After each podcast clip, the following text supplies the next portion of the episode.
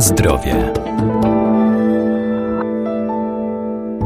Kiszenie to prosty i tani sposób konserwacji żywności oparty na fermentacji mlekowej. To jedna z najstarszych metod jej utrwalania. Kisić można niemal wszystko i choć najbardziej popularne są kiszone owoce i warzywa, to takiemu procesowi można poddawać także i inne surowce.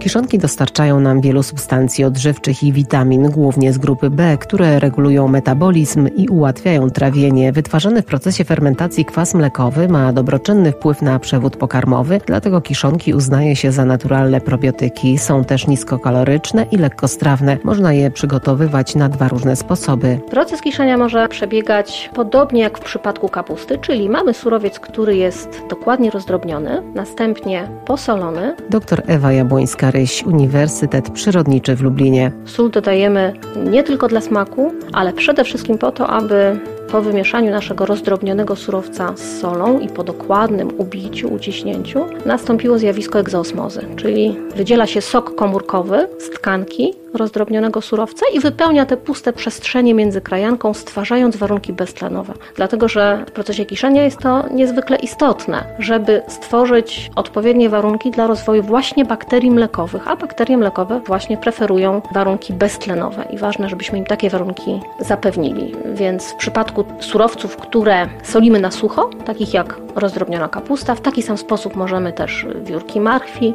wiórki selera poddać procesowi fermentacji. Należy pamiętać, żeby taki surowiec po wymieszaniu z solą dokładnie ubić, aby wytworzyło się tyle soku, aby cała powierzchnia tej krajanki była tym sokiem przykryta. Drugi sposób mm, jest zastosowaniem zalewy i tutaj najlepszym przykładem są nasze kiszone ogórki, gdzie te warunki beztlenowe stwarzamy w inny sposób, wprowadzając do naszego surowca ściśle ułożonego w pojemnikach, czy to są słoiki, czy to są beczki, czy to są silosy na skalę taką większą przemysłową. Wprowadzając zalewę, zalewa to oczywiście również zawiera sól, i w ten sposób stwarzamy te warunki beztlenowe. W ten sposób y, można kisić szereg różnych y, produktów, które już nie muszą być tak y, mocno, silnie rozdrobnione, czyli to mogą być jakieś drobne warzywa, to mogą być pomidory, to mogą być na przykład jakieś drobne owoce, które również możemy poddać fermentacji mlekowej. Czosnek w taki sposób się kisi.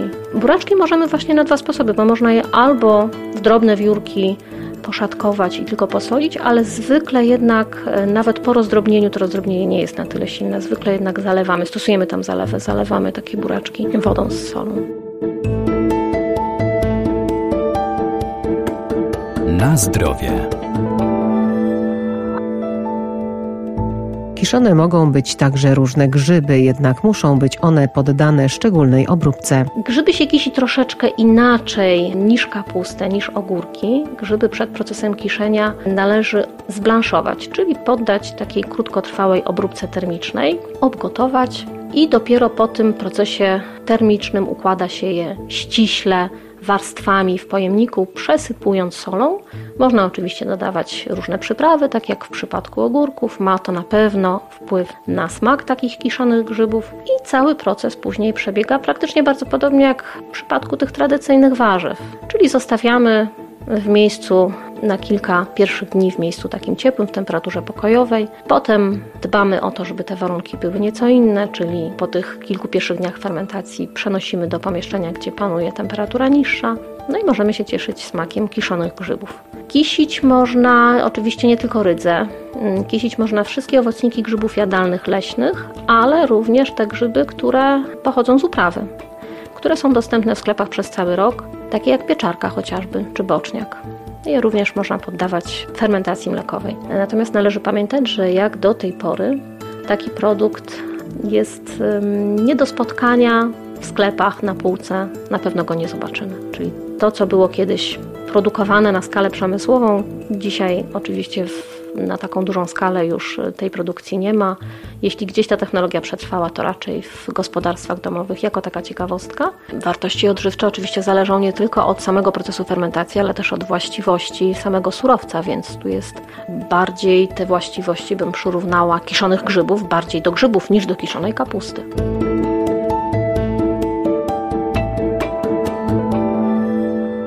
Wszystkie kiszonki zaliczane są do polskiej superżywności, czyli produktów, które wzmacniają system immunologiczny i w pełni zastępują dostępne na rynku suplementy diety, czyli sztucznie wytwarzane preparaty mające poprawić stan naszego zdrowia.